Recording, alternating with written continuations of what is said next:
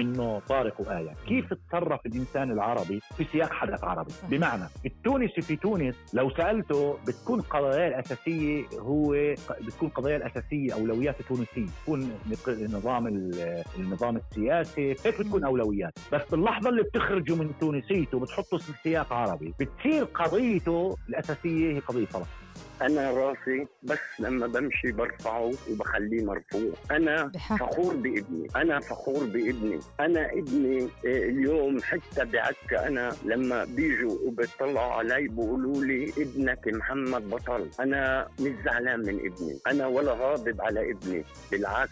ابني سوى شيء يرفع راسي ويرفع راس العرب كلها. الوقت تبعنا للأحداث الوقت تبعنا لما عايشناه يختلف تماما عن الوقت اللي كان في لوائح الاتهام وعن الوقت اللي الدولة بادرت لإنها تطرحه. وبناء عليه عم بتم أخذ هذه الأحكام. سلام. معكم طارق طه وآية زيناتي بحلقة جديدة من بودكاست الأسبوع في عرب 48 قبل ما أفوت على محاور تفاصيل هذه الحلقة بدي أرحب آية زيناتي مؤسسة حلقات استقبال وخريجة الإعلام. بكونها راح تكون زميلتي في تقديم البرنامج.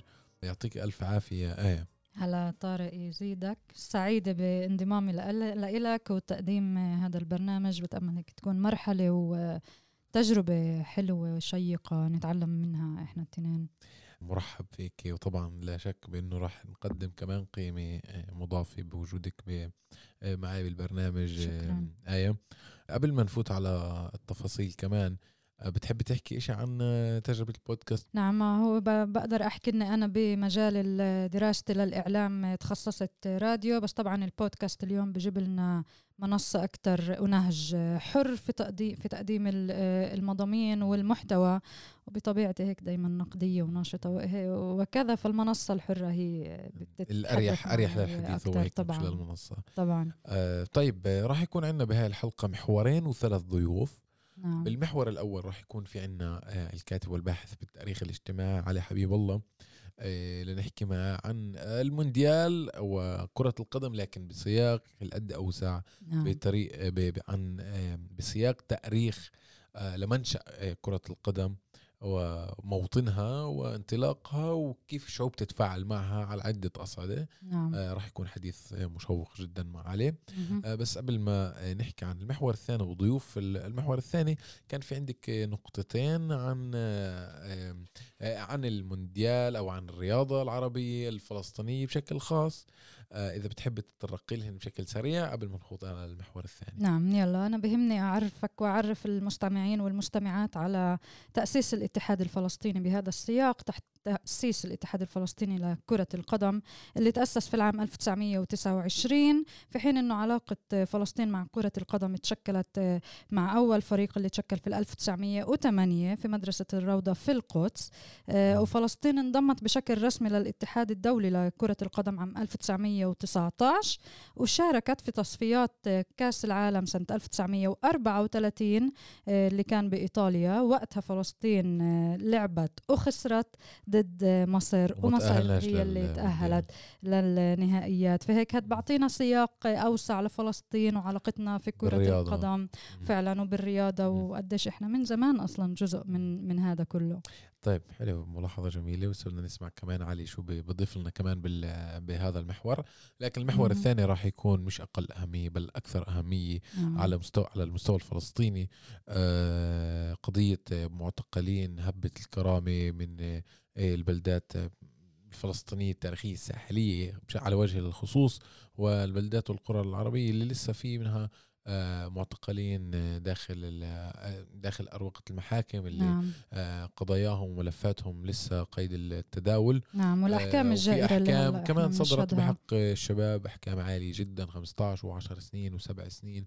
شباب من طمرة وحيفا وعكا واللد والرملة والناصري كثير بلدات آه، الله يعونها على الشباب وبدنا بهذا المحور نعم. يعني آه، بدنا نستضيف آه، والد المعتقل محمد عثمان اللي هو السيد سمير عثمان اللي هو ناشط بهذا المجال وبهذا يعني وقام الأهالي مؤتمر وهو كان بحاول يرفع صوت أهالي المعتقلين ويرفع صوت حاجة حاجتهم وصوت المعتقلين من داخل المعتقل آه، فراح يكون معنا بهذا المحور.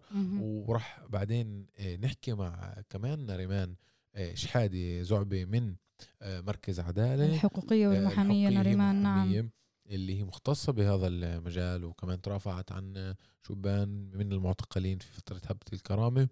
وبهاي المرحلة هي عم بتتابع ملفات المعتقلين والمتداول بالمحاكم واللي صدر بحقها لوائح اتهام حتى الآن آه وعن الأحكام الصادرة. وإلى آخره عم تحاول تعمل دراسة أو بلشت تعمل دراسة. آه عن فيها مقارنة عن لوائح الاتهام اللي تقدمت ضد الفلسطينيين الشباب من الداخل وضد اليهود المتطرفين اللي قاموا بأعمال آه، اعتداء على الفلسطينيين وممتلكاتهم بفلسطين الداخل. فهي بقيد إجراء دراسي فقط في البداية. راح نسمع منها أكثر تفاصيل عن كيف المحاكم الإسرائيلية عم تأخذ قراراتها بحق هذول الشبان نعم. والحالة الجديدة اللي عم نشهدها آه، الحالة الجديدة.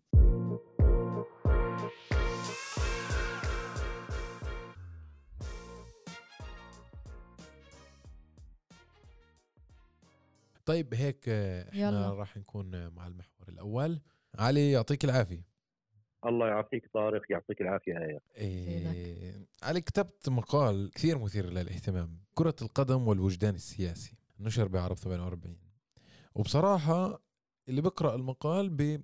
بحاول أو مش بحاول باخذ أدوات يفكر فيها بأنه آه كرة القدم هي كحدث رياضي إذا بدنا نحكي عن المونديال هو تخطى تخطى مسألة الرياضة وتخطى مسائل الرياضة بحد ذاتها والمنافسة.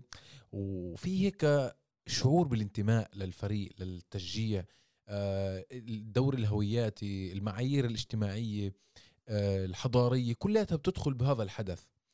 آه، فبدنا هيك نبلش معك بالحديث تحكي لنا هيك لحد إسا يعني إحنا بالمونديال وآخر كم يوم منه. شو أنت شايف من صورة الحدث الكبير في قطر؟ أول شيء يعطيك العافية طارق والك ولايه وشكرا لك وأنا سعيد إني موجود معكم اليوم.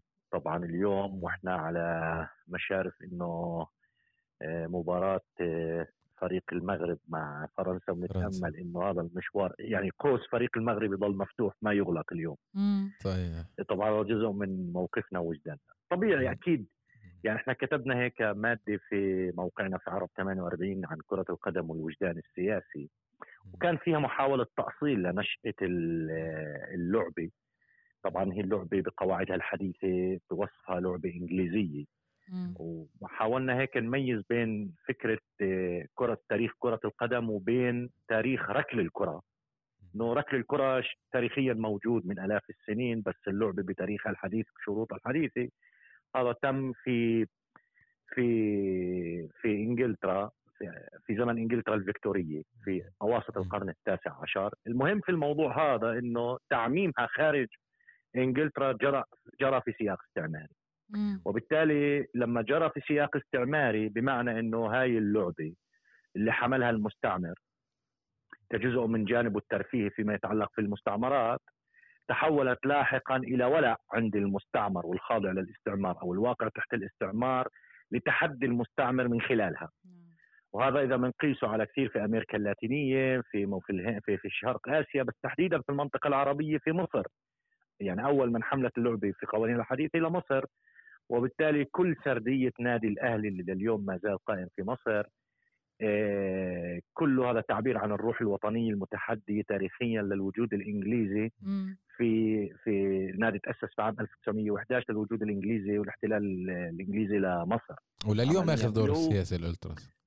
صحيح. وحتى في شيء ملفت كمان في الموضوع إنه قبل المادة اللي كتبنا كتبنا مادة أخرى في عرب 48 عن, المنشأ. عن قضية نشأة المنشأ اللعبه بمعنى إنه أثر البعد العسكري فيها. بس مش بس في سياقه الاستعماري يعني لليوم نادي أرسنال في الدوري الإنجليزي هو أصلا منشق عن عمال نادي عمال مصنع الذخيرة والسلاح. ومانشستر يونايتد هو فريق نادي بتعود أصوله لعمال سكك الحديد اللي هن كانوا جزء من البنية العسكرية في المجتمع الإنجليزي، موضوع يطول يعني بس كمان أنت شوف ملفت إنه مرات في أمريكا اللاتينية يعني مرات نسمع عن الأوروغواي إنه فريق يعني منتخب حامل اللقب مرتين. وبنستغرب إنه كيف غاب هذا المنتخب يعني إذا حامل اللقب مرتين ليش هو لا يعتبر من الفرق الكبيرة؟ إنه تحديدا الأوروغواي كانت أول بلاد حمل إلها الإنجليز الكرة ولعبة الكرة وبالتالي كانت نشأة الكرة اللاتينية كانت كتب يعني متنوعة ومختلفة ومصادر ومراجع مختلفة اللي حكت عن هذه الظاهرة. بس بنلاحظ إن إحنا في التاريخ المعاصر إنه جرى ما يعرف بالتسليع. تسليع, تسليع هذه الكرة بمعنى انها جزء من المنظومة الرأسمالية وإذا بتنتبه طارق وآية إنه فكرة الدرجة العليا في كل الأندية في العالم يعني في كل في كل دوري في أي دوله فكرة الدرجة العليا هي فكرة رأسمالية يعني بدأت في الثمانينيات والتسعينيات يعني بما في ذلك في البلاد عندنا في المجتمع الإسرائيلي فكرة الدرجة العليا كانت جزء وفي سياقها بدأ صناعة الشهرة والمال ونجوم الكرة وبالتالي هذا نعتبر جزء من المعاناة ومشان هيك إحنا بننشد للمونديال. أنا شخصيا بنشد للمونديال أكثر من الأندية لأنه المونديال دائما بحيل الكرة للهوية جامع. الوطنية. والهوية الجامعة وفكرة الشعب والنشيد الوطني والعلم وإلى آخره بضل فيها هي الروح. وبينما الأندية أكثر أقرب لعالم المال والشهرة وإلى آخره مع إنه صحيح. حتى إذا نطلع عليه يعني هي فيها آه أنا أنا مش كتير بفهم كرة القدم يعني ولا أنا. إذا بدي أدرس بدرس آه بس يعني حتى فيها تجارة. يعني أنا بالنسبة لي بشوفها بنظرة نقدية إنه هذا اللاعب والله بكلف هالقد وبيشتروه بهالقد وبيبيعوه بهالقد. يعني هيك اخلاقيا فيها إيش الصعب هاي بسياق صحيح هي صارت آه. أقرب لعالم الرواد الأعمال والمقاولين وكذا وهيك. بس مع ذلك زي ما قال سايمون كريتشلي صاحب كتاب فيما نفكر حين نفكر في كرة القدم يقول إنه مع ذلك مع كل هذا اللي طرأ على كرة القدم من تسليع ومن رأس مالي وإلى آخره مع ذلك لم نسمع عن كيس من المال سجل هدف. بمعنى لا زالت هذه اللعبة بالذات في سياقها الوطني زي المونديال لما بيصير لا زالت قادرة على إنتاج هاي النشوة الحسية وبعث هذا الوجدان الجمعي عند المجتمعات وعند الشعوب. مضطهدة خصيصا. صحيح صحيح. وفي شيء ملفت إنه يعني إحنا بنشجع فرق وبنحزن. وفي في فكرة في في يعني في نيتشه في له جملة بقول انه بقول إنه الحياة لعبة بس يلعبها جد. أنا هاي الجملة مهمة لناحية إنه في شيء مل يعني ملفت إنه ما في أكثر موقف جدي ممكن يكون فيه الإنسان هو أثناء اللعب. م. يعني إحنا أنا أنا يعني قديش الواحد بحاول يغسل ذهنيته ونفسيته من فكرة التعصب والهوس والانحياء مع ذلك بعدنا اليوم نتعصب بطريقة طفولية فيما يتعلق في فرق كرة القدم والتشجيع والإنحياز وإلى على دق شدي إحنا, إحنا علي على دق شدي إحنا لما بنقعد بقوم السياح وضرب الكراسي بالقهاوي. صحيح. يعني أنا بقول إنه قد الإنسان أكثر لحظة بيكون فيها جدية هو يلعب. علما بإنه اللعب بحيلك للمتعة والتسلية. بس تحديدا في هذا السياق أنت شوف الناس شو بيعملوا في ملاعب كرة القدم. وكان دائما في شيء اسمه سوسيولوجيا عنف ملاعب كرة القدم. وإحنا لليوم في كل المجتمعات في العالم بما في ذلك مجتمعنا لا زال ثقل التحامل الاجتماعي في كثير بين بلدات وبلدات أو أحياء وأحياء أو كذا. قادم من فكرة ماذا؟ قادم من فكرة من حمولة ما كان يجري في الملاعب في كرة القدم في كل العالم. وبتعرف أنت فكرة الديربي. حتى بنفس يعني البلد حتى بنفس البلد عليه آه آه يعني كابول البوعيل والمكابي هي حرب تاريخية آه بين عائلات آه ما هي فكرة الديربي عالميا فكرة إشكالية. يعني إحنا بنتذكر في عام أظن 2009 لما كان بده كان في مباراة فاصلة بين مصر وبين الجزائر من سيتأهل إلى المونديال في 2010 ووقتها اللعبة آه، صار في احتراب واقتتال وتراشق وصار في عنف. بس طبعا يعني الموضوع مش عنف بجزء العرب بقدر ما هي فكرة بتحيل إنه كان في صراع ومنافسة على من يمثل العرب في المونديال في عام 2010 في جنوب أفريقيا. يعني هيك كان يجب قراءتها يعني. طبعا الإعلام في مصر أو في البلدات العربية اخذها لاتجاه آخر. بس عموما إحنا الآن بنشهد حدث غير إنه في فرق عربية بتنافس. الأهم في إنه هذه النسخة من البطولة تنظم على أرض عربية وهذا حدث كبير وسابقة تاريخية وربما لن تتكرر في التاريخ الحديث يعني أو يعني في في المستقبل العقود القادمة. إنه دولة صغيرة مثل دولة قطر في الجزيرة العربية قادرة على تنظيم هذا المونديال. وبالتالي التفاعل الجمعي قادم من هذول المستويين من مستوى أول إنه في فرق ومنتخبات عربية وقادر إنها تعمل أشياء. وشفنا المغرب شو عمال بيعمل وهذه سابقة في تاريخ دور العرب والمنتخبات العربية في بطولة كأس العالم. والمسألة الثانية اللي باعتقادي لا تقل أهمية بل هي الأهم هي قضية إنه البلد المنظم هو بلد عربي. الآن من هون قادم اللي ممكن نفسر كل معنى إنه في سياق هذه اللعبة وفي سياق هذه المنافسة عمال بتفرز مظاهر مظاهر من الاحتفاء مظاهر من الأمل مظاهر من الشغف اللي هي متجاوزة للمباراة متجاوزة للعبه وللبطولة اللي متصله في شيء وطني وسياسي وقومي واجتماعي خصوصا إنه هذا الحدث ينظم بعد عقد من الزمن يعني تشكل فيه ما يعرف بالنسبة لدينا الاكتئاب السياسي في المنطقة العربية. هزيمة ربيع عربي وثورات مضادة احتراب تفكك مجتمعات. إحنا عندنا دول منهارة حرفيا يعني مجتمعاتها منهارة. وهذا كله ولد حاله من الاكتئاب السياسي وحاله من البؤس كمان. والمونديال اجى شو ساوى علي؟ الآن لما جاء أول شيء إنه يعني هي بتعرف إنه الناس مثل ما بقولوا بتتعلق في قش قش من الأمل يعني هون نحن بنحكي عن بارق إنه أول شيء أنت بتعرف الإعلام الغربي طارق وآية شن حملة إعلامية قبيل المونديال وخلال أيام المونديال الأولى على على على المونديال على نصف قطر وعلى دولة قطر. وبالتالي كانت مبطنة هذه الحملة أصلا بنبرة تاريخية استعلائية على المنطقة وإنه شو يعني دولة شرق أوسطية صغيرة وعربية صحيح. وكذا. اللي هي تيجي تنظم مبطنه وغير مبطنه شو؟ سأل هذا يساله اللي كتب. آه. تفضل تفضل. آه فحتى كريتشلي هذا اللي سايمون كريتشلي اللي كتب فيما نفكر في حين نفكر في كرة القدم. ما أخفى عنصريته بشكل مباشر بقول إنه هذا مهرجان سنوي في له انتظام موسمي بيجي في الصيف. شو يعني تيجي دولة وتكسر هذا الانتظام وتحوله في فصل الشتاء وإلى آخره؟ لأنه هذا الانتظام التاريخي الموسمي في الصيف هو إملاء أوروبي غربي بحكم حالة الطقس الموجودة في الغرب. وبالتالي إحنا أمام دولة شرق أوسطية عربية في المنطقة بحكم ظروف المناخ والطقس تم كسر هذا الانتظام وأقيمت النسخة في في في في الشتاء اللي هي قائمة حاليا. وبالتالي كان بتمنى إنه يتم سحبها وكذا والى آخره. بس كله هذا هيك وطبعا في قضايا تمسكوا في قضايا اللي إحنا بنعتبرها قضايا هامشية في تتعلق في الحريات وكذا بمعنى إنه بيعيبوا على دولة إنها هي أثناء تستضيف إن هذا تكون لها حق في حق في ماذا؟ حق في تظهير البعد الثقافي والبعد الوطني والبعد اللي بتعلق في عادات وتقاليد وإرث هذا المكان دون المس حقيقة في الحريات بشكل بشكل مباشر. طبعا كان في حملة ولاحقا انضم إلى الإعلام الإسرائيلي.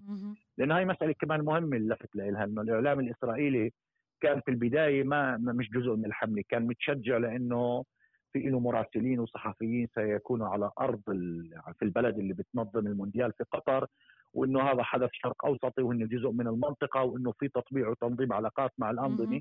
بس طبعا ذهلوا لما هبطوا على الأرض واكتشفوا إنه ممكن ترتب علاقات مع الأنظمة علاقات استراتيجية وأمنية وإلى آخره.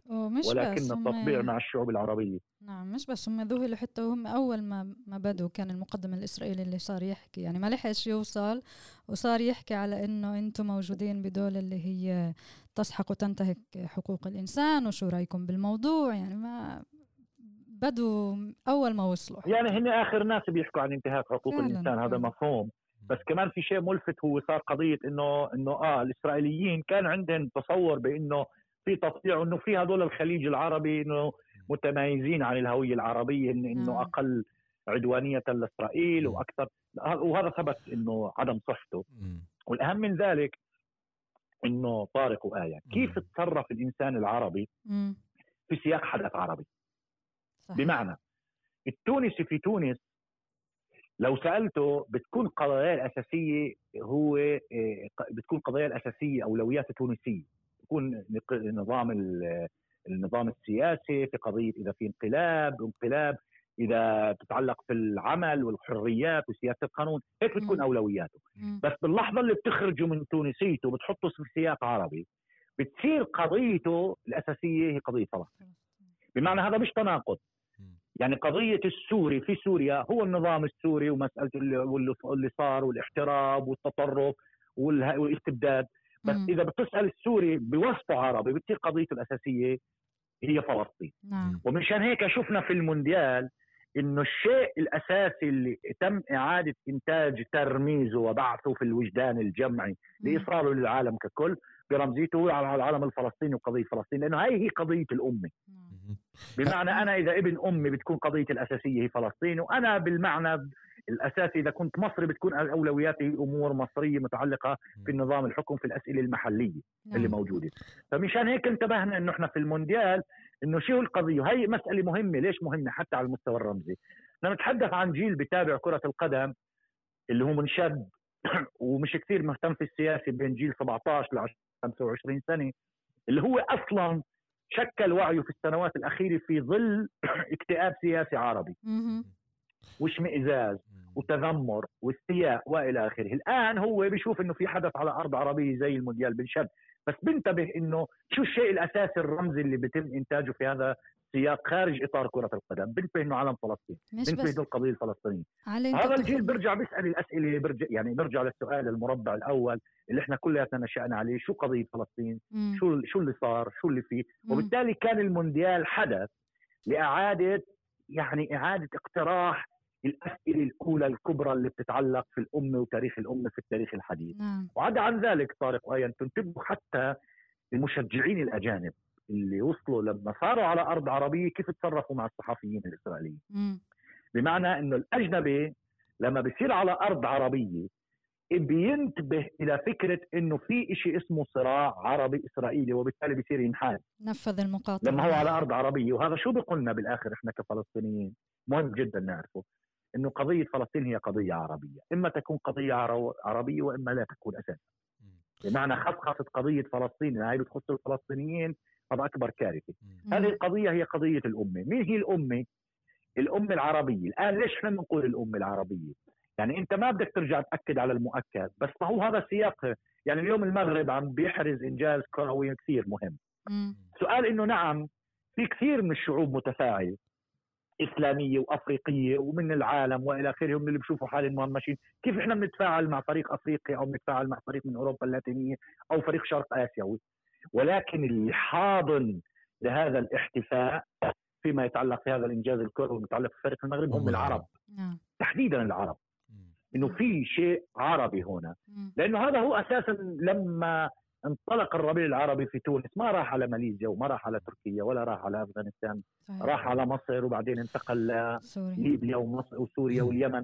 بتعرف شغلة حالة عربية بتعرف شغلة علي يعني من مفرزات ثورات الربيع العربي مش مش بالضبط ثورات الربيع العربي الثورات المضادة وتآمر الأنظمة عليها واضطهاد الشعوب العربيه أصبح كل شعب أو كل فئة آه، عربية تحاول تنحاز أو تتمترس داخل هويتها الجماعية الخاصة يعني آه، المغربي أو التونسي أو الجزائري الجماعات آه، الأصيلة من هذيك المجتمعات تتجه نحو الأمازيغ الحضاره الأمازيغية تحاول تبتعد أو تبتعد يعني تأخذ خطوة إلى الوراء من هويتها العربية لأنه شافت شو أنتجت لها الهوية العربية. والمصري أصبحت تسمع أصوات مثل أنا أتجه نحو هويتي الفرعونية وشعوب أخرى من المنطقة. لكن أنا هيك شعور من المونديال من متابعتي لآراء المشجعين العرب.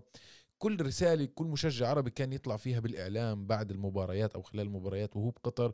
كان في شعور بأنه هذه شعوب تعود إلى هويتها العربية وتفخر بها أمام العالم.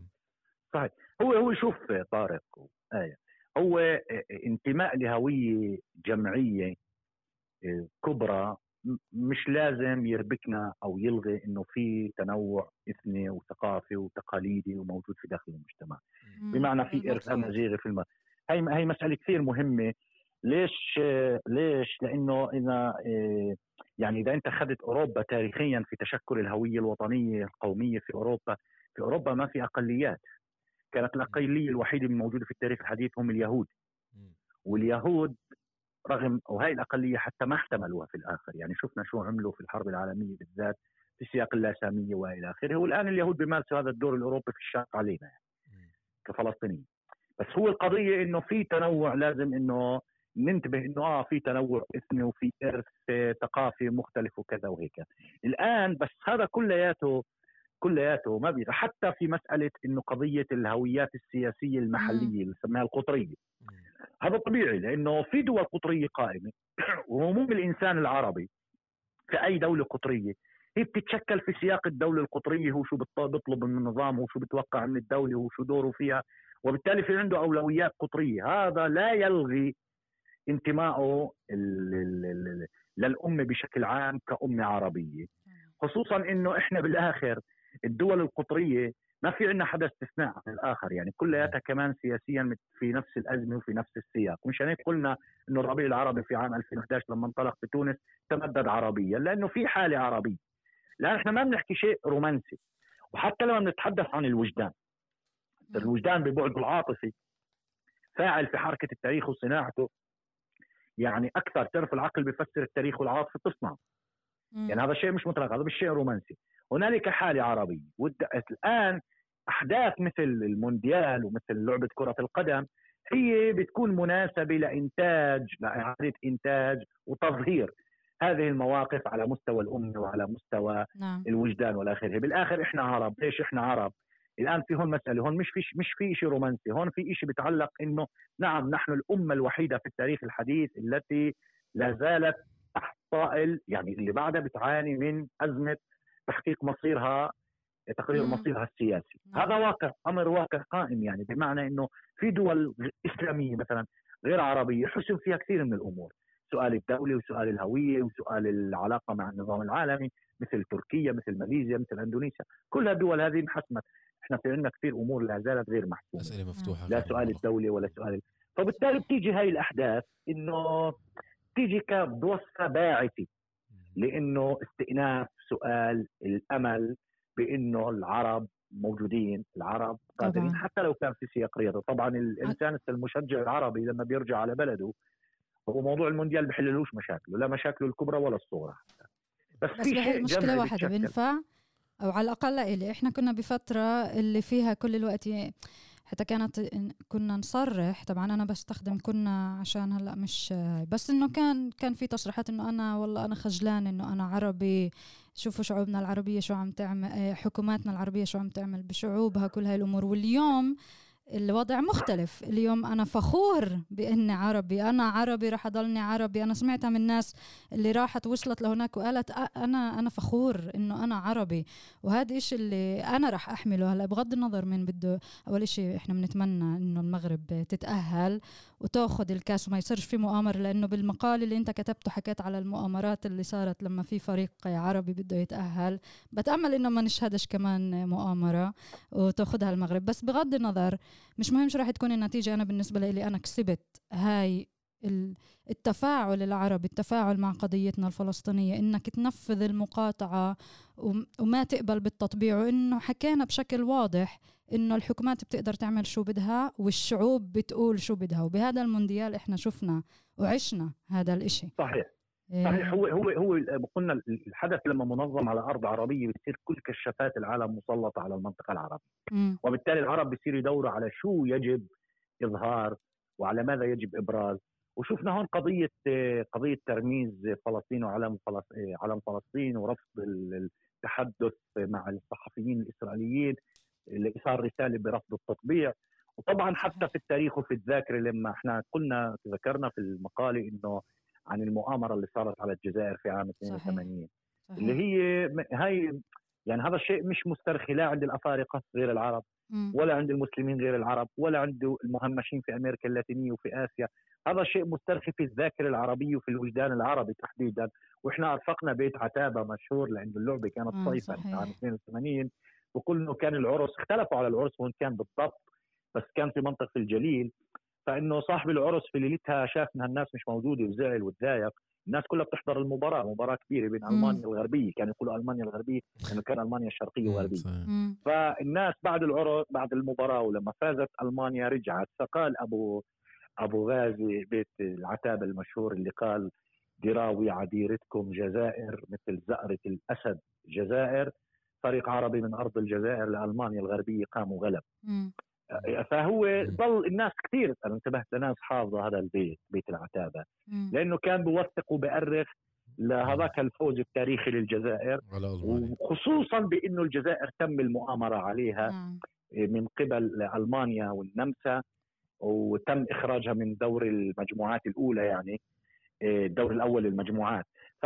وكمان صار الشيء مع المغرب لما البرازيل كمان كان في شكل من أشكال المؤامرة عليها في مونديال 98 وبالتالي الناس انحازت لفرنسا في اللعبه النهائية ومش من عمل زيدان سجل هدفين يومها بوصف أصوله الجزائريه كان شكل من أشكال القصاصه ففي شيء آه بس إحنا كيف بنقرأ المؤامرة؟ المؤامرة على فريق عربي في إطار الفيفا، الفيفا بتعرف هي اللي صح. جزء من النظام العالمي اللي احتكرت فكره تنظيم العلاقة بين الكرة والقدم.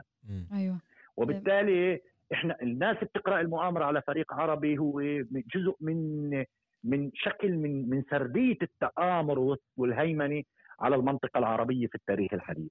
علي شكرا كثير على وقتك. عن جد شكرا على المداخلة يعني بصراحة غنية مثري جدا. كل مرة بعمل معك شكرا شكرا لك طارق وآية. مفيد لإلي ولكل اللي عم بيسمعنا شكرا. شكرا يعطيك العافية. الله يعطيك العافية. يعطيك العافية. باي باي.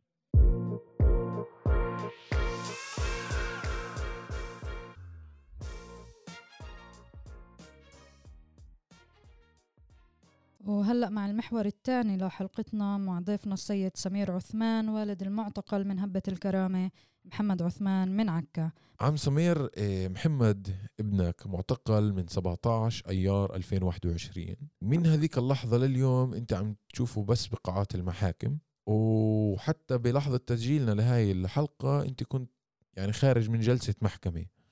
و أول شيء بدي أسألك هيك بشكل آه، سؤال شخصي على علاقتك مع الابن أنت والعائلة كيف عم بتشوفوه بالمحكمة؟ كيف محمد؟ كيف معنوياته هو الشباب؟ شو اللي عم بصير داخل آه، آه، يعني لقاء لقاءاتكم القصيرة مع الشباب بالمحاكم؟ إيه والله إيه محمد أنا لما بشوفه وبحكي معاه لمحمد هو بقوليش بقوليش إلا خيا وأنا بقول له خيا مش كأب لابن بقول له أخوي وهو بقول لي أخوي. ف إيه، إحنا بنلتقي معاه بالمحاكم لمحمد ومرات بنلتقي معاه بالزيارات بس الزيارات كثير كثير صعب علينا والمحاكم هي كثير أصعب. يعني اليوم إحنا فتنا على الجلسة ممنوع نحكي مع محمد ولا كلمة. بدك تحكي معاه بس بالإشارات. إيه، بتبسم لك بتبسم له. حديث مع محمد ممنوع نحكي معه. أنا من 17 5 من 2021 من ما اخذوا محمد بالوقت اللي هجموا على محمد وأخذوه من جنب البيت لحد اليوم الصورة مش قابلة تطلع من عيني مش قابلة تطلع من من راسي كل ما بتذكرها. لأنه كيف هجموا عليه كيف الجيران توجهوا لي. طلعت أنا شفت منظر من هذاك اليوم أنا محمد مش قادر أنساه. فعشان هيك آه، أنا وفي إخواته اللي إحنا موجودين كل جلسه وكثير عم بيصعبوا علينا آه، ممنوع زي ما قلت لك ممنوع نحكي معه. بنفع كمان انت قلنا أنت ذكرت إنه كمان الزيارات عم بتكون صعبة وبصعبوا بنفع إذا بناسبك تشرح لنا أكثر وكمان تشرح لنا كيف هذا الموقف آه، أثر على علاقتكم بإنك تشوف ابنك الصغير 21 سنة بمرق كمان آه، اعتقال وحشي شو كيف هذا أثر على علاقتكم؟ أنت عم بتقول إنه أنت بتناديه خيا وكأنه حسيت إنه ابنك كبر أنا أنا حسيت إنه ابني كبر مزبوط أنا بناديه لابني خيا على أساس أفريه يعني إنه أنا مزبوط أبوه بس أنا عم بعامله كأخو لإلي. يعني كمان كأخو لإلي. إنه الوقت اللي أنا بقول له خيا هو بتبسم وبضحك وهو لما بيجي بده يطلب مني شيء بقول لي خيا بدي مثلا هيك بدي هيك. فهذا أنا إلي بنطيني بنطيني بنطيني الروح بنطيني القوة. إنه أنا شايف ابني عم بيقول لي خيا وأنا بقول له خيا وعم بعامله كاخ لإلي يعني مش كأب. وأنا الحمد لله أب مش شديد على أولادي بالعكس.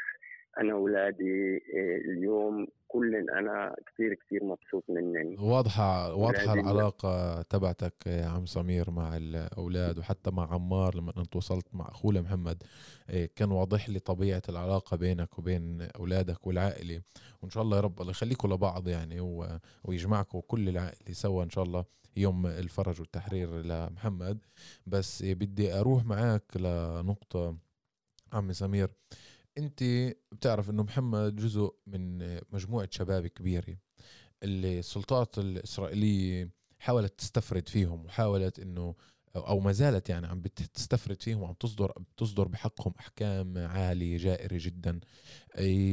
ومحمد هو جزء من هاي الشباب اللي عم تدفع ثمن شعب كامل. إذا إحنا بدنا ننظر لمحمد كحالة خاصة ونعمل هيك نعمل zoom out نطلع لفوق شوي ونتفرج إنه محمد هو بيمثل حالة عامة وبيمثل شعب فلسطيني كامل إنه عم بدفع ثمن سياسات عنصرية تجاه كل ما هو فلسطيني بالبلاد سواء بالضفة سواء بالقدس سواء بعكا بحيفا بكل بلد.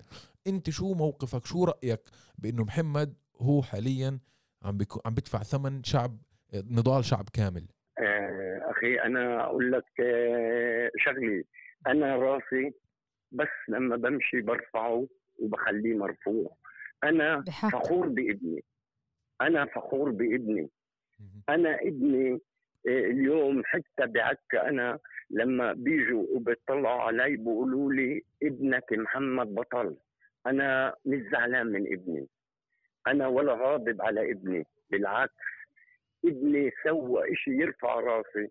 ويرفع رأس العرب كلها. إحنا اليوم بعكا البوليس انت عكا يمكن أنا بشوف لما بمسك شاب كيف بيعاملوه بانواع معاملة وحشيه وبالذات لما يعرفوه إنه ابن عرب. اليوم البوليس لما بمسك واحد يعني بديش أقول لك بأي تصرف بتصرفوا معاه. بأي عمليات بيتعاملوا معاه من ناحية ضريب من ناحية هذا اللي برشوه بعينين هذا الغاز اللي بيحرق. من من ناحية اللي بتفششوا فيه إيه، بضربوه لما بحطوا له بيجوا بدهم يربطوه يعني بربطوه بطريقة وحشية. يعني إيه، كلها بس أعمال وحشية اللي هاي بتنعملش مع بني آدمين. أنا فخور بابني وفخور بكل الشباب. فيش ولا أم ولا أم ولا أب ولا أخ ولا اخوت زعلان على أخوه لأنه عمل هيك. بالعكس كله فخور. طبعا. كل أسرانا وكل الشباب المعتقلين هم أولادنا حرفيا. يعني هو مش بس جملة بتنقال عشان بس يعني تنقال. هي حقيقية. يعني إحنا كلياتنا عشنا مع بعض هبة الكرامة وعشنا الاعتقالات والهجوم والاعتداءات. والولاد هاي ولادنا وهاي الناس اللي حمتوا عم تدفع اليوم ثمن حريتنا وإحنا معكم. أنا بهمني كمان يعني أختي الكريمة اليوم لما بيجوا بيقولوا إنه اليوم شبابنا اللي, اللي عملت هاي الشيء اللي بيرفع الراس اليوم بيجوا بيقولوا لك إيه خسر مستقبله. هي بطل لسه مش راح يفوت لا يتعلم ولا عدائر حكومية ولا يا أختي قولي لي أنت إحنا كان في إلنا الاحترام بهاي الدولة صحيح. إمتى كان في إلنا شباب اللي تفوت اللي تفوت على مؤسسات. إيش خرب؟ ما هن هي كانت خربانة. مدمريننا. هن مدمريننا. صحيح. يعني انوثقوا إحنا مغدينا انوثقوا لما أنا باجي بفوت على المركز بدي أسأل على ابني بقولوا لي اطلع وقف برا. برا وقف ليش؟ أنا حقوق اللي إحنا مهدينا. فأولادنا اليوم أنا برفع راسي وأنا برفع راسي لكل العرب وبكل العرب كل واحد عنده الدم وعنده الحرارة إنه يدافع عن وطنه ويدافع عن عن بلده ويدافع عن شعبه. أنا كثير فخور بكل واحد بيسوي. عم سمير إيه قبل ما هيك ننهي معك بس بدي أسألك إيه أنت شايف وين رايح المسار القضائي المحامي اللي ماسك الملف تبع محمد؟ شو التوقعات؟ شو الحديث اللي يعني الأشياء اللي عم بتدور بأروقة المحاكم؟ في توقعات خصوصا إنه إحنا شفنا امبارح أول قبل كم يوم الأحكام الصادرة بحق الشباب من اللد وقبلها كمان أدهم بشير من عكا وقبل أو بعديها كمان كان آه، الشاب من معاوية. 10 سنوات 15 سنة سبع سنوات في منهم ثلاثة في منهم أربعة. شو توقعات في ظل ملف شباب عكا؟ أخي الكريم أنا كثير بعد الأحكام اللي إحنا عم نسمعها إحنا كأهالي كثير كثير خايفين على أولادنا اللي بعد ما انحكمت. كثير لأنه الأحكام اللي إحنا عم نسمعها آه هذا إشي بخوفنا. يعني أنا على ابني على ابني كثير كثير كثير خايف. وفي بعد شباب من عكا اللي هن كمان خايف عليهم أكثر اللي هن متهومين باللينش. اللي بالوقت اللي إحنا أولادنا متهومين باللينش عم بتطلعوا لنا على أحكام 10 و15 و18 و20 والشعب الثاني اللي هو سوى اللينش بباتيام واللي إحنا شفنا على التلفزيون كيف ضربوه بالبوسكليتات وبالعصي وبالحجار وبال اليوم هن تحاكموا 20 شهر 20 شهر وفي بس اثنين من اللي تحاكموا. عمي سمير في ناس بعكا. شاب من عكا. في ناس يهود من عكا متهمة معتقلة. بتعرفوا إشي عن هاي المعلومات؟ بالمرة لا. بالنسبة لهي الأحداث مم. أختي بالمرة لا بالنسبة لهي الأحداث لأنه أنا في في آه، مقاطع اللي أنا شفتها شوف عيني. اللي هي كانت بحي فولسون اللي البوليس لما كان يطلب من شاب يهودي اللي هو مستوطن اللي هن إجوا ببساطه صحيح. اللي هن إجوا عن طريق اللي دعمن بين كبير اللي طلع لهم ببساطه يجوا لهون على العكا كان البوليس يطلب منن بطريقة لو سمحتوا لو سمحتوا ارجعوا لورا ولما يلاقي قدامه ابن العرب تلاقيه يركض وراه بالعصاية ويبلش يضرب فيه. هذا هاي الشغلات أنا شفتها وأهالي عكا شافوها.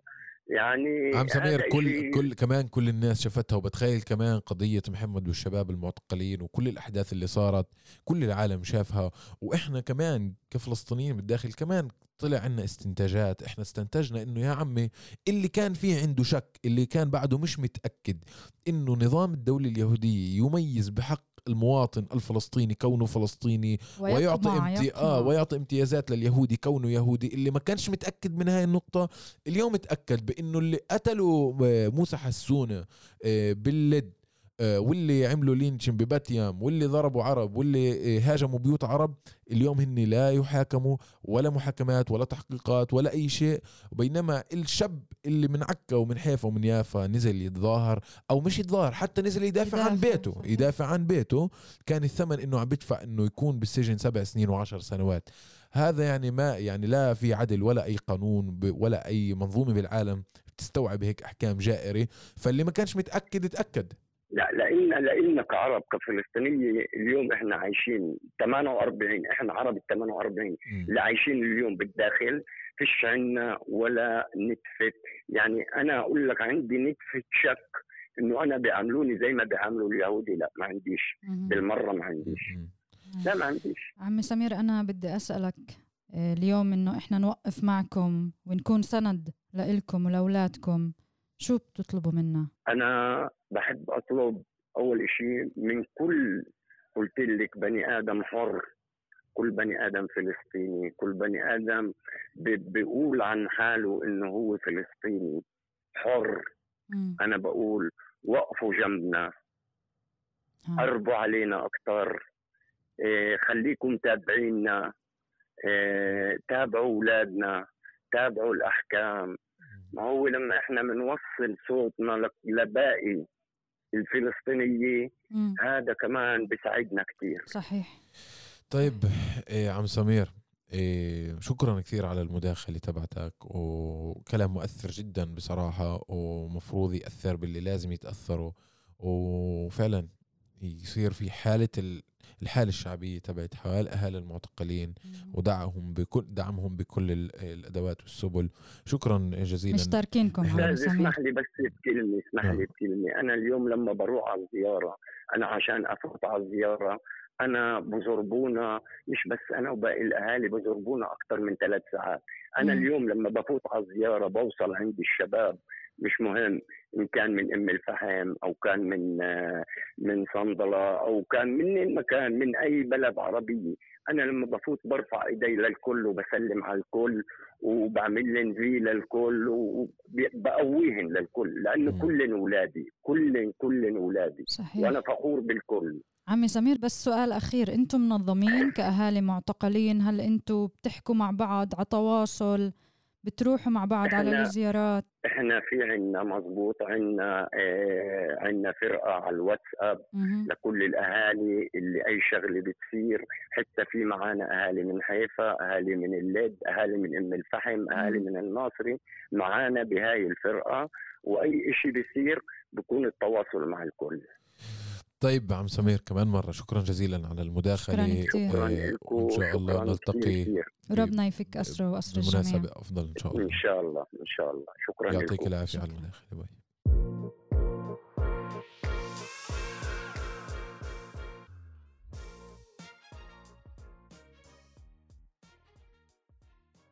وهلأ مع ضيفتنا الثالثة اللي هي بتكمل المحور الثاني اللي كنا بادين فيه عن آه، المعتقلين من وقت هبة الكرامة ومعنا المحامية والحقوقية نريمان شحادة زعبي من مركز عدالة الحقوقي.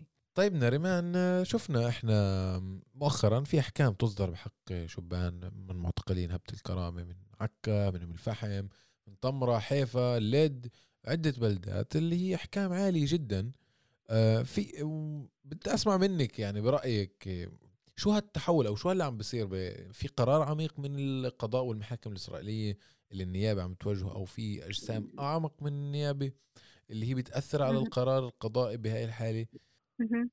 يعني إحنا عشان نفهم الأحكام بحاجة ان نرجع خطوة أو حتى خطوتين قبل لكل الاعتقالات. يعني إحنا شفنا ان الاعتقالات كانت أغلبها اعتقالات عشوائية مضبوط بس كثير من الاعتقالات كانت ضد عرب بالأساس مع إنه كان في آه، كثير آه، جرائم ومخالفات وأعمال ارتكبت على يد يهود. الاعتقالات كانت بالأساس للعرب هاي في المرحلة الأولى آه، في عمل الشرطة في إنفاذ القانون. في المرحلة الثانية عندنا النيابة العامة تقديم لوائح الاتهام وهون حسب برايي في شيء جدا مفصلي وشيء كثير بيلقي ضوء على الأحكام اللي عم تتراكم في هاي المرحلة.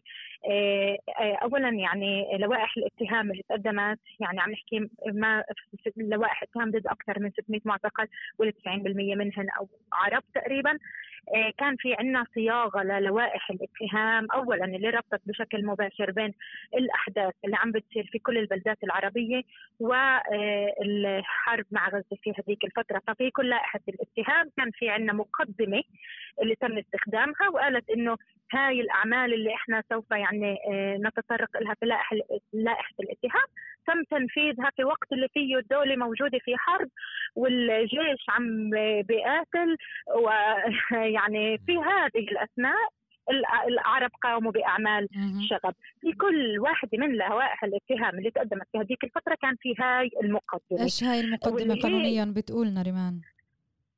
يعني هاي المقدمة آه، في كثير آه، لوائح الاتهام اللي فيها بتختار النيابة إنها تعطي يعني مقدمة حتى تضع آه، لائحة الاتهام في السياق. طبعا هذا الشيء مش متبع بشكل دائم في النيابة العامة ولكن في هذه الأحداث تم استخدام هاي المقدمة في كل واحدة من اللوائح اللي تم تقديمها. يعني أي شخص يعني تواجد في أي قرية أو بلد عربي في الشمال وتظاهر اوتوماتيكيا تم وضع السياق السياسي الأوسع وحالة الحرب اللي كانت موجودة فيها الدولة في هذيك الفترة كخلفية لتظاهره واللي هو إشكالي جدا. يعني آه، إحنا بنتذكر شو كان السياق الأساسي كمان تبع هاي المظاهرات. يعني مش مش كل شخص اللي وقف في بلده حتى يتظاهر مع اللي عم بيصير آه، في الشيخ جراح وضد الاعتقالات في الأقصى. يجب إنه يتم نسب له يعني آه، سياق سياسي يعني مغلوط وربطه بال الحرب اللي آه، في غزة وكأنه يعني تم التعامل مع العرب كأنهم ألهوا الدولة بين قوسين عن قيامها آه، بدورها لحماية مواطنيها وفتحوا جبهه إضافية في داخل الدولة. ولهيك يعني تم التعامل مع الأعمال اللي قاموا فيها بين قوسين بخطورة أكبر لأنه هاي ما تم آه، القيام فيها حسب تعريفات الدولة وحسب السياق اللي تطرقوا له في وضع عادي وإنما في حالة حرب. فأنت لما لما قمت بأعمال في حالة حرب يجب أنه يتم عقوبتك حسب الدولة. يعني طبعا حسب السياق اللي الدولة عم بتجيبه يجب أن تكون هناك عقوبة أصعب آه، لأنه أنت ما تصرفت في وضع طبيعي. وأنت ألهيت الدولة عن أنها تكون في دورها آه، في حماية مواطنيها واللي هو إشكالي جدا هذا السياق. أضف إلى ذلك يعني كان في لوائح الاتهام إضافة لبند أنه من حسب قانون مكافحة الإرهاب أو إضافة لبنود أنه دافع الكراهية أو دافع آه، العنصرية. كل كل عمل تم إضافة له هاي البنود أوتوماتيكيا. العقوبة عليه سوف تتضاعف. وهذا طبعا رح تتضاعف. وهذا بيفسر آه كمان نوعا ما الأحكام اللي عم بتكون. ما عم بيتم تقديم لوائح اتهام يعني حسب القانون العقوبات بين قوسين الكلاسيكي. عم بيكون في إضافة دوافع وإضافة قانون مكافحة الإرهاب. وهذا بحد ذاته آه، عم بيجيب لها عقوبات اللي هي آه، أصعب. يعني وإذا بننتقل نحكي كمان على المحاكم. المحاكم عم تطلع إنه آه، أنا لما بدي أحكم إنسان ما بيعنيني فقط شو هو قام فيه في اللحظة اللي آه، آه، نفذ فيها الأعمال وإنما بعني لي شو كان الجو العام حواليه. يعني إذا من القراءة الأولية للحكم الأحكام اللي عم يعني تتوافد أول في أول لأن من القراءة الأولية إنه لما شخص ضرب حجر بداخل آه، آه، مجموعة اللي قامت بأعمال اللي هي أخطر من آه، ضرب حجر أو أصعب من ضرب حجر. يتم نسب له كل الأعمال اللي قامت فيها المجموعة من يعني حسب قوانين بين قوسين الشراكة. يعني أنت شريك لكل ما قامت فيه المجموعة. حتى لو إنك أنت ما بتعرفهن حتى لو إنك أنت ما خططت معهن حتى يعني كل هذا يعني وهذا لا يعني وهذا هذا هذا اللي صار تماما مع وكانه كمان شباب من حيفا اللي بالتالي هن كانوا بأحيائهم ببيوتهم أجت مجموعة مستوطنين اعتدت على أحيائهم ببيوتهم. عملية رد الفعل والدفاع عن النفس والدفاع عن البيت أصبحت هي وكأنه عملية شريكة من الفعل الأليم اللي, اللي صار من من الدخيلين على الأحياء المستوطنين اللي أجوا يعتدوا. ف... فشو كان تبرير القضاء أو يعني كيف ال... كيف الشيء قضائيا يعني؟ مهم لنا هون في هاي المرحلة إنه نوضح إنه الرواية إيه، لكيف إحنا كأقلية فلسطينية في الداخل عشنا الأحداث تختلف تماما عن الرواية نعم. اللي طرحتها النيابة العامة في المحاكم واللي تبنتها المحاكم. يعني هو الوصف تبعنا للأحداث الوصف تبعنا لما عايشناه يختلف تماما عن الوصف اللي كان في لوائح الاتهام وعن الوصف اللي الدولة بادرت لأنها آه، آه، تطرحه.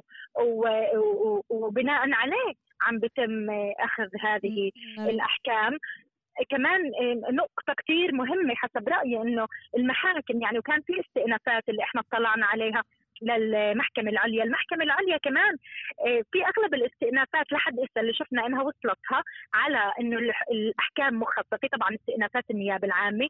المحكمة العليا تدخلت وقامت برفع العقوبة على المتهم المتهمين. طبعا رفعت العقوبات والذريعة لرفع العقوبات كانت هنا الردع المحكمة تريد عن نعم.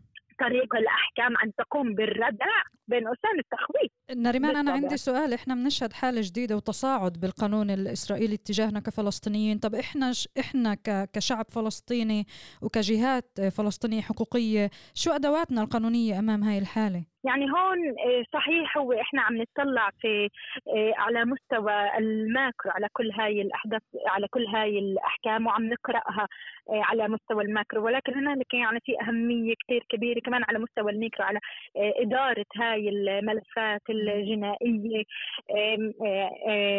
هنالك يعني وزن كثير كبير على إدارة هاي الملفات لأنها راح تكون اسبقيات لقدام حتى يعني تعملها الدولة ضدنا يعني. فمهم إنه في هاي الملفات يكون هنالك يعني إجراءات جنائية حتى لو كانت طويلة يعني بس حتى تنصف المعتقلين ويعني حتى تجيب الرواية تبعتهم على المحاكم يعني نعم. ومهم جدا إنه رفض السياسات اللي عم بتكون ويعني تجميعها ونكون واعيين لها حتى في المراحل القادمة يعني نكون على إدراك وعلى وعي لما ينتظرنا في نعم. حالات مماثلة. نعم نعم. طيب نريمان إحنا يعني هيك الوقت عم بفوتنا بس كان كمان كثير مهم آه، نقاط نطرحها. بس بفكر إنه مثل ما حكينا بداية الحلقة إنه بعد ما تكتمل الصورة أكثر إحنا نعرف إنه أنت في قيد آه، إجراء دراسي لمقارنة حاليا للوائح الاتهام لل الاحكام اللي بتنزل بحق آه، الشباب الفلسطينيين بالداخل ولا اليهود المتطرفين اللي قاموا بعمليات اعتداء. لسه الموضوع ببدايه دراسته آه، لاحقا راح نتطرق له بإطار أوسع ويكون عندنا وقت أكثر نحكي عنه. آه، بهذا الوقت الحالي يعني إحنا كمان عم نتواصل مع أهالي المعتقلين وعم نسمع ارائهم وبنحاول نسمع منهم كيف كيف هن بنظروا لشو بدهن من آه. الشارع لشو بدهن من الناس لشو بدهن من الدعم وال آه، يعني من الالتفاف اللي هن بنظروا إليه. حاليا نتشكرك كثير آه، من الجانب القانوني والحقوقي آه، لمرافقة المعتقلين عدالة وأنت ريمان. ما قصرتم ويعطيكم العافية وكل واحد من دوره ومن مكانه بالإعلام. نوصل نوصل صوت هذول العائلات وهذول الشباب اللي بيدفعوا ثمن. وبنستنى آه. نسمع نريمان آه، ما بعد الدراسة والاستمرار فيها بشو الاستنتاجات والأمور اللي أنت بتوصلي لها اللي كتير مهم نلقي الضوء آه، عليها لنكون بحماية شبابنا كلها. بالطبع بالطبع. يعطيكم العافية شكرا كثير لكم. شكرا. يعطيك العافية.